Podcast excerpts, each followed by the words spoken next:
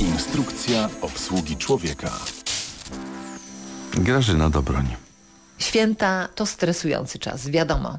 Odżywają jakieś lęki sprzed lat, sprawy pozamykane nagle znów się otwierają, konflikty rodzice-dzieci i z roku na rok jest coraz trudniej. Ale ciekawe, że dotyczy to tylko dorosłych, bo dzieci mają dużo radości w sobie i z miłością czekają na Mikołaja. Dzisiaj każdy dorosły ma swoją rację i bez zastanowienia mocno zaznacza swoją obecność. I za nic ma to, że może ranić innych. Im młodsze pokolenie, tym mniej szacunku dla dorosłych ludzi, nawet do mamy i taty. Ale stół zastawiony jak trzeba, elegancko jak z werandy, a w środku dusza piszczy do prostoty, do tego, by ktoś mnie utulił, bym czuł się bezpieczny i żeby ktoś mnie zrozumiał bez krzyków i zawiści. Nasze święta nie muszą być idealne. Warto wyznaczyć sobie własne świąteczne standardy. Podzielić się obowiązkami, robić tylko tyle, ile mamy siły i chęci. Tu w końcu nie o wygląd stołu chodzi i o to bogactwo, które jest na stole, ale o samopoczucie ludzi, którzy zdecydowali się na spotkanie.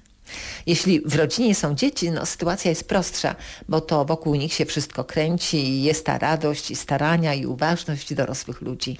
Dla nastolatków, którzy nudzą się przy świątecznym stole, to jest trudny dzień. Denerwują ich udawane więzi, więc warto pogadać z dzieckiem o tym, kilka dni wcześniej i ustalić coś, że na przykład komórkę odkładamy, ale może wcześniej pozwolić mu opuścić to całe towarzystwo.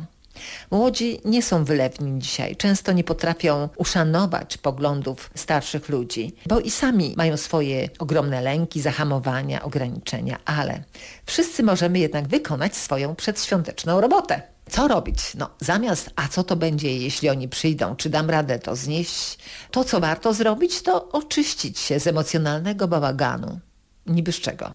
To są nasze niszczące wzorce, nawyki, myśli, które mamy. Kłopot polega na tym, że nie zdajemy sobie sprawy, skąd się wzięły, a o tym, że nami zawładnęły, to w ogóle pojęcia nie mamy. Gdzie szukać przyczyn w tłumionych przez lata emocjach, kiedy nie czujemy, kiedy nie doświadczamy, a wszystko spychamy w głąb umysłu, a one tam sobie rosną, rosną. Tak powstaje nawyk. Im więcej tego, tym gorsze życie. Warto też pomyśleć, do kogo czujesz złość albo niechęć i co za tym stoi. Albo też pomyśleć, dlaczego nie rozumiem tych innych ludzi. To są urazy.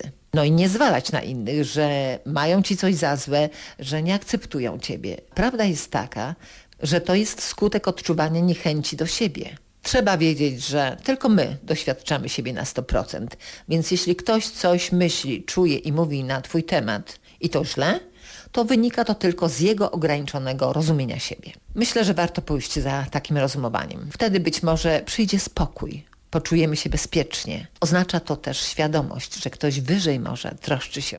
Wierzę głęboko, że Bóg stworzy nam najlepsze, najwłaściwsze rozwiązania na te świąteczne dni.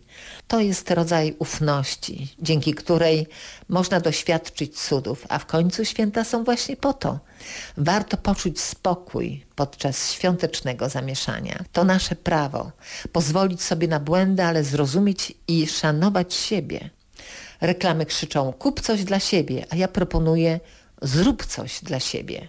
A jeśli chodzi o prezenty dla dzieci, naprawdę nie warto prześcigać się, kto da większy samochód, większą ciężarówkę, większą koparkę i jak jest droga. Zamiast tego można w prezencie dać doświadczenie, na przykład zaproszenie na wspólny spacer w miejsce wymyślone przez obdarowanego, bon na wspólne czytanie albo słoik wdzięczności przygotować i to wszystko elegancko opisać, zaplanować, przystroić i pod choinkę podłożyć. Podoba mi się to.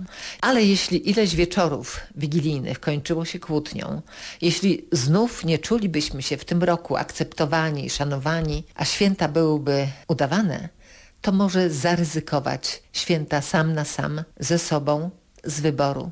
Może wreszcie wtedy uda się dostrzec cud Bożego Narodzenia.